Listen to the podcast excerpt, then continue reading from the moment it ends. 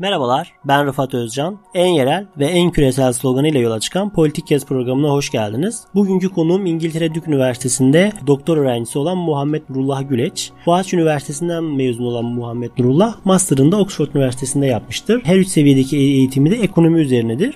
Bugün kendisiyle Mesai dergisinde yayınlanan Korona Ekonomi, Virüsün Ekonomik Etkisi başlıklı yazısını ele alacağız. Kendisiyle cevabını aradığımız sorular şunlar olacak. Korona krizinin yarattığı ekonomik tahribatın diğer krizlerden farkını, devletlerin bu krize karşı alabileceği önlemleri, gelişmiş ve gelişmekte olan ekonomilerin fırsatları ve zorlukları ve son olarak da Türkiye'nin bu krize karşı alabileceği önlemleri konuşacağız. Şimdi Muhammed Nurullah Güleç'e bağlanıyoruz. Hoş geldiniz yayınımıza. Hoş bulduk. Dediğim gibi bugün virüsün ekonomik etkisini konuşacağız. İlk olarak da şunu sormak istiyorum. Dünya genelinde ekonomileri etkileyen bu koronavirüs krizinin diğer ekonomik krizlerden ayrılan yönleri nelerdir? Kendine has özellikleri nelerdir? Bunlardan bize bahsedebilir misin? Ekonominin iki bileşeni var. Birisi talep, diğeri arz. Talep dediğimiz şey insanların ürünlere ve hizmetlere olan talepleri, onları satın alma istekleri. Arzsa onun üretimi, talebe karşılık verecek üretimin yapılması. O ona arz deniyor. Şimdi genellikle ekonomik krizlerde talep açısından çok ciddi bir kriz ortaya çıkıyor. Yani zaten ekonominin bazı kırılganlıkları, daha önceden gelen bazı büyük problemleri belli bir finansal patlamayla, finansal bir krizle açığa çıkıyor ve bundan dolayı insanlar harcamalarını kesiyorlar. Yani taleplerini kesiyorlar. Bu çok rasyonel bir şey olmayabilir. Yani sadece diğer insanların taleplerini azaltıyor olmaları bile yani bir kriz beklentisi bile kendi başlı başına krize yol açabilir. Ama bu krizde sadece talep krizi yok. Talep krizini çözmek nispeten daha kolay. İnsanlara güven vermek gerekiyor. İnsanlara ekonominin daha iyi olacağını ikna etmek gerekiyor ve işte parasal politikalarla işte belki para miktarının artmasıyla, para basmak yoluyla talebi bir şekilde canlandırmak mümkün. Ama burada talebi canlandırmanın aslında önünde en büyük engel buradaki şu sağlık krizi, bu acil durum ve insanların evinden çıkamadığı ya da işte evinden çıkmasının bazı tedbirlerden dolayı istenmediği bir durum var. Bundan dolayı insanların talebini arttırmak bir çözüm değil. Yani üretim bir sıkıntı görüyor ve aslında tedarik zincirleri aslında en önemli şey. Tedarik zincirleri bütün dünyada bu son zamanlarda çok fazla küreselleşti ve çok kompleks haller aldı. Orada o tedarik zincirlerinde küçük bir bir bileşenin gitmesi sadece bir ülkede kriz çıkması bile diğer bütün ülkelere bir şekilde etki ediyor. Çin'de olan bir kriz aynı zamanda buradaki talep edilen ürünlerin üretimini ciddi bir şekilde hasara uğratıyor. Ayrıca yani birazcık krize cevap için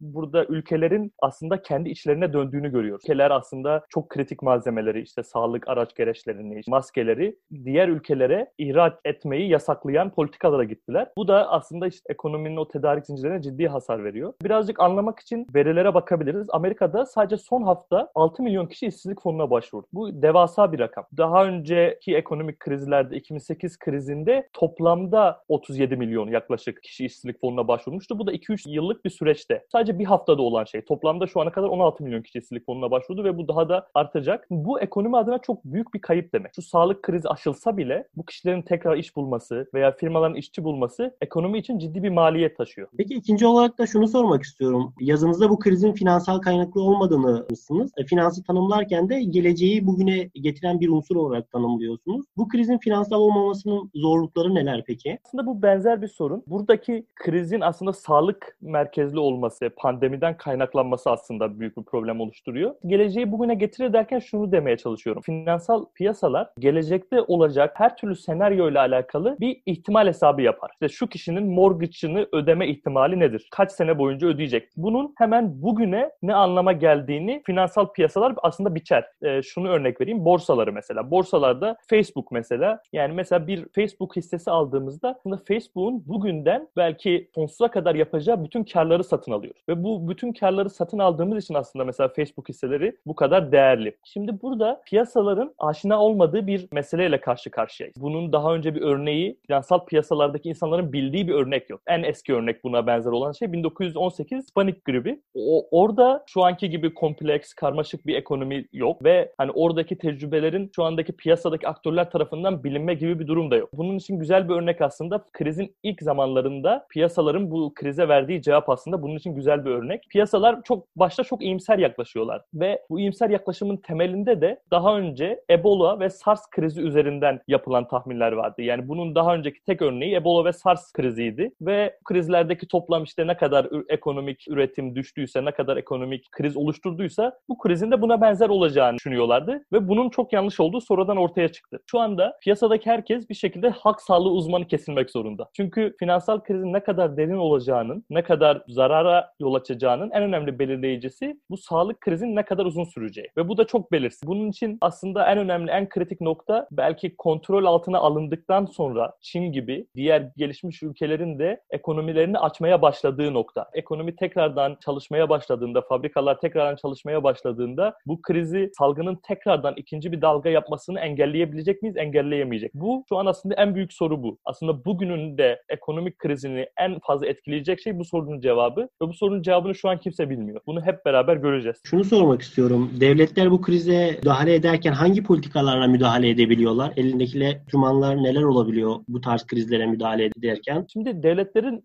önünde iki tane silah var diyebiliriz. Birisi parasal politika, diğeri de mali politika. Parasal politika özünde devletlerin piyasadaki para miktarını belirlemesini kapsayan bir şey. Modern zamanlarda yani son zamanlarda özellikle bu merkez bankalarının piyasa faizini belirlemesiyle gerçekleşiyor. Piyasa faizinin azalması ekonomideki toplam para miktarını arttırıyor. Yani bu konuşma süresince faizi azaltmak eşittir para basmak denebilir. Teknik olarak bu tam doğru olmasa da. Diğer politika ise mali politika. Mali politika devletlerin kendi hazinelerinden yaptıkları harcamalar için verilen verilen genel isim. Örneğin devlet işsizlik fonunu arttırdığında veya bir köprü yaptığında ya da işte bir fabrika yaptığında burada devletin harcamasına biz mali politika adını veriyoruz. Daha önceki krizlerde devletlerin aslında en fazla üzerinde durduğu politika parasal politikaydı. Daha önce de belirttiğim gibi krizlerde talep düşüklüğü yaşandığı için para miktarının artması talebi tetiklemeye, talebi tekrardan canlandırmaya yetiyordu. Burada yeni basılan paraların bir şekilde ekonomiye tekrardan döneceğini varsayıyor. Ama burada para basılsa bile bu paranın tekrardan ekonomiye dön dönmesi çok e, açık değil. Zaten insanlar evinde olduğu için birçok harcamayı yapamıyor. Restoranta gidemiyor, otele gidemiyor. Servis sektöründeki zaten harcamalar şu an bitmiş durumda. Bundan dolayı sadece parasal politika bu krizi bu krizi engellemek için, krizin ya da etkisini azaltmak için yeterli bir araç değil. O yüzden devletler daha çok mali politikaya ağırlık veriyorlar. Bu mali politikaları da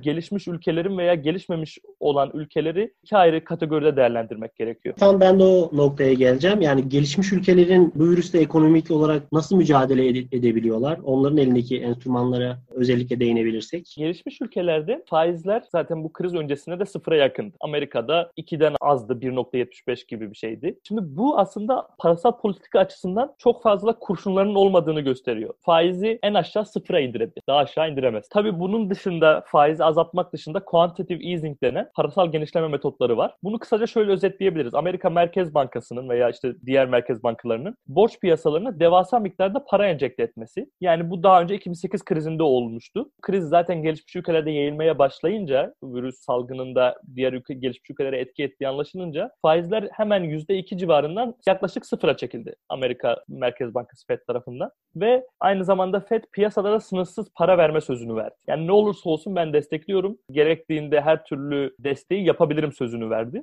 Ama bu sadece hani salgının tekrardan bir ayrı bir finansal kriz oluşturmaması için bunu engellemek amacıyla yapılan bir şey. Yani sorunu çözmek gibi bir amaç taşımıyor. Sadece sorunu daha derinleştirmemek için yapılan bir şey buradaki parasal politikalar. Ama gelişmiş ülkelerin aslında bu krizle asıl mücadele edecekleri alan mali politikalar ve bunun da örneklerini gördük. Şeyler daha önce hiç görülmemiş miktarlarda genişletilerek krizden etkilenen firmalara ve insanlara destek için fonlar oluşturuldu. Amerika'da kongre belirli bir gelir seviyesi altındaki her Amerikana 1200 dolar çek yollama kararı aldı. İngiltere firmaların işçilere verdiği maaşın %80'ine kadar destekleme sözü verdi vesaire. Yani Fransa'da, Kanada'da, Japonya'da yine buna benzer örnekler görüyoruz. Gelişmiş ülkelerde biz bu krizi engellemek için sonuna kadar kendi bütçelerimizi kullanabiliriz mesajı verildi. Tabii bunun yeterli olmadığını da söylemek lazım. Özellikle Amerika'da krizin aslında en fazla etki ettiği COBİ'lere, küçük orta büyüklükteki işletmelere yönelik kredi dışında bir yardım kararı almadı. Yani onlara yönelik maaş desteği, kira desteği Amerika'da şu an olmadı. Bu, bu çok ciddi bir kriz. Amerika'da ekonomik anlamda çok ciddi bir kriz gelmesini bekliyorum açıkçası. Gelişmiş ülkelerden sonra bir de gelişmekte olan ülkelerin mücadele yöntemlerinin de neler olduğunu sormak istiyorum. Burada ülkemize de bir parantez açarak e, bu süreçte neler yaptığını ve başka hangi politikaları izleyebileceğini düşünüyorsunuz? Gelişmekte olan ülkeler için durum tabii biraz daha farklı. Öncelikle faiz oranları çok daha yüksek. Bu aslında parasal genişlemeye alan açıyor gibi görünebilir. Ama bunun da maliyetleri var. Gelişmiş ülkeler ancak kendi para birimleri üzerinden para basabiliyor. Bu da aslında döviz üzerinden olan borçlar için bir fayda vermiyor. Tabii bunun normal zamanlarda para basmanın enflasyonu arttırma ve kur krizi oluşturma riski var. Ve bundan dolayı aslında Çin ve diğer gelişmekte olan ülkelerin çok fazla çok cesur adımlar, çok büyük adımlar atmadığını görüyoruz. Bu da aslında bu tehlikelerden korkulduğu için, daha önceki örneklerden aslında birazcık korkulduğu için. Ama ben bu krizin özel durumundan dolayı para basmanın böyle bir sorun oluşturacağını, enflasyona ya da kur krizine sebep olmayacağını düşünüyorum. Tabii bunun sebepleri var. Öncelikle temel sebep para bastığımız zaman yani para miktarının arttığı zaman bunun enflasyona yol açmasının en önemli enstrümanı aslında insanların bu parayla bir şeyler alması. Bu durumda zaten para basıldığında bu çok ciddi bir şekilde talebi arttırmayacak. Talebi arttırmayacağı için bunun enflasyona yol açmayacağını düşünüyorum. Ayrıca ülkeler çok ithalatlarını Türkiye'de başta olmak üzere ithalatlarını ciddi bir şekilde düşürdü. Bundan dolayı kur krizinin de çok ciddi yaşanmayacağını düşünüyorum. Aslında burada para basmak tabii yine bir çözüm değil ama en azından krizin daha derinleşmesini engellemek için krizin kendi başlı başına yeni bir yön kazanmasını engellemek için önemli bir enstrüman. Yine aslında gelişmiş olan ülkeler gibi daha önemli olan şey mali politikalar. Burada krizden etkilenen kesimlerin desteklenmesi. Şirketlerin, insanların, işsiz kalan insanların desteklenmesi burada en kritik nokta. Türkiye'de bunun güzel örnekleri var. İşte kısa çalışma ödeneğini başlattı Türkiye. Kısa çalışma ödeneğiyle aslında firma firmalara 3 ay boyunca maaş desteğinde bulunuyorlar. Ekonomide buna çok ciddi rağbetin olduğunu görüyoruz.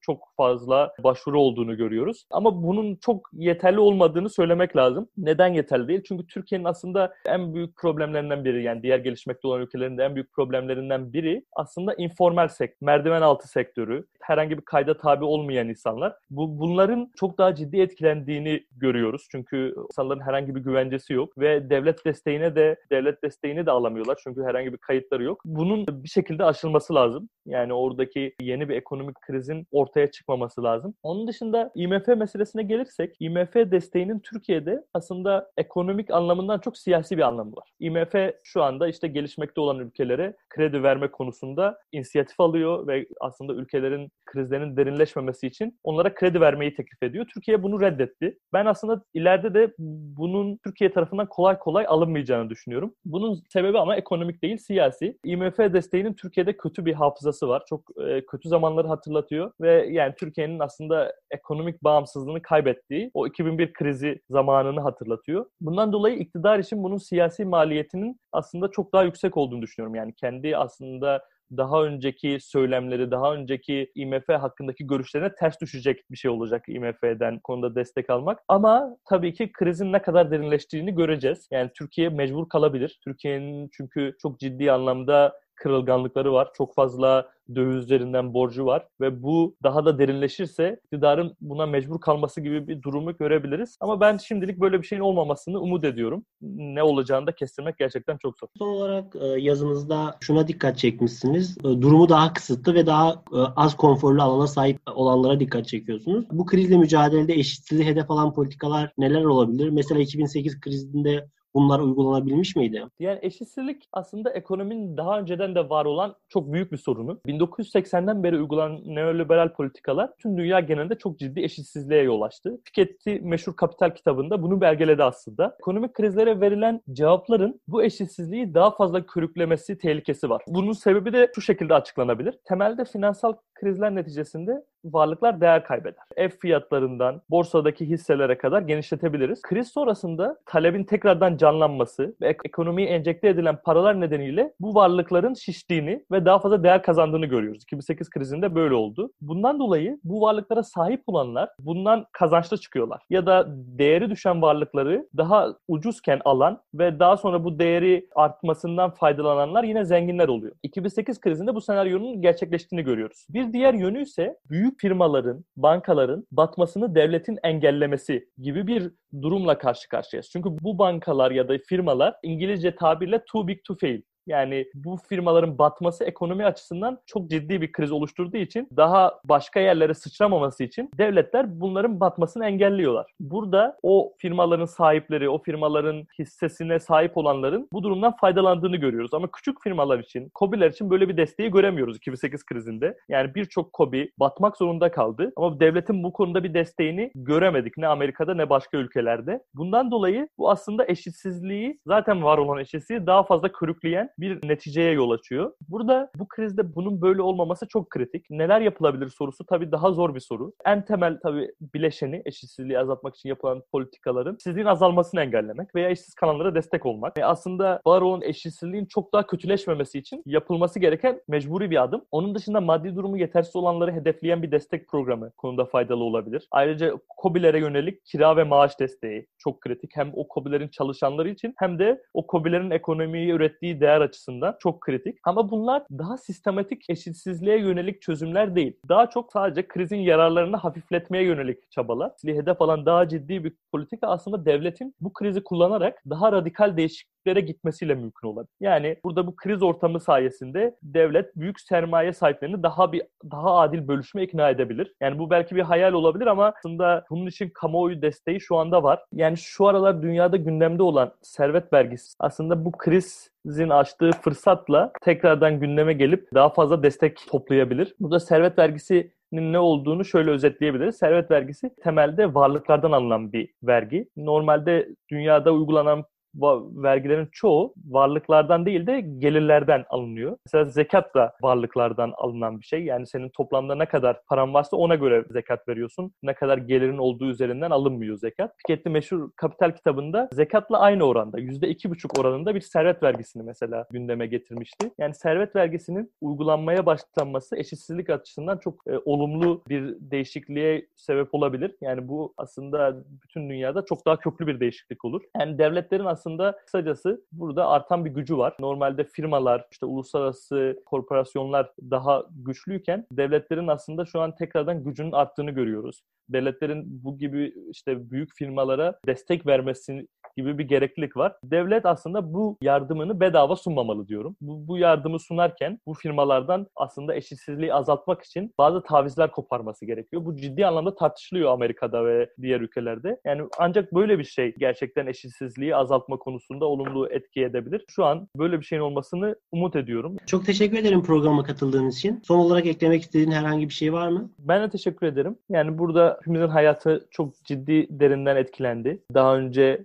karşılaşmadığımız bir şokla karşı karşıyayız. O yüzden aslında belki ekonomik etkilerinden çok bizim psikolojimize olan etkisi belki çok daha önemli. Mesela işsizlik bunun örneklerinden biri. İşsizliği sadece ekonomik etkisiyle düşünmemek lazım. İşsizlik aynı zamanda insanların psikolojisini de çok ciddi etkiliyor. Bundan dolayı inşallah bu ekonomik etkilerin büyümemesini, çok büyük krizlere yol açmamasını umut ediyorum. Yani bunun böyle olmaması için devletlere çok ciddi roller düşüyor. Devletler umarım bu rollerini hakkıyla yerine getirirler ve krizin derinle, derinleşmesini engellerler. Çok teşekkürler tekrardan. Dünya ekonomilerinin ve Türkiye'nin bu kriz karşısında neler yapabileceğini ele aldık bu programda. Yarın da sadece Türkiye ve IMF ilişkisine odaklanacağımız bir yayınımız olacak. Bizi dinlediğiniz için teşekkürler. Kulağınız bizde olsun.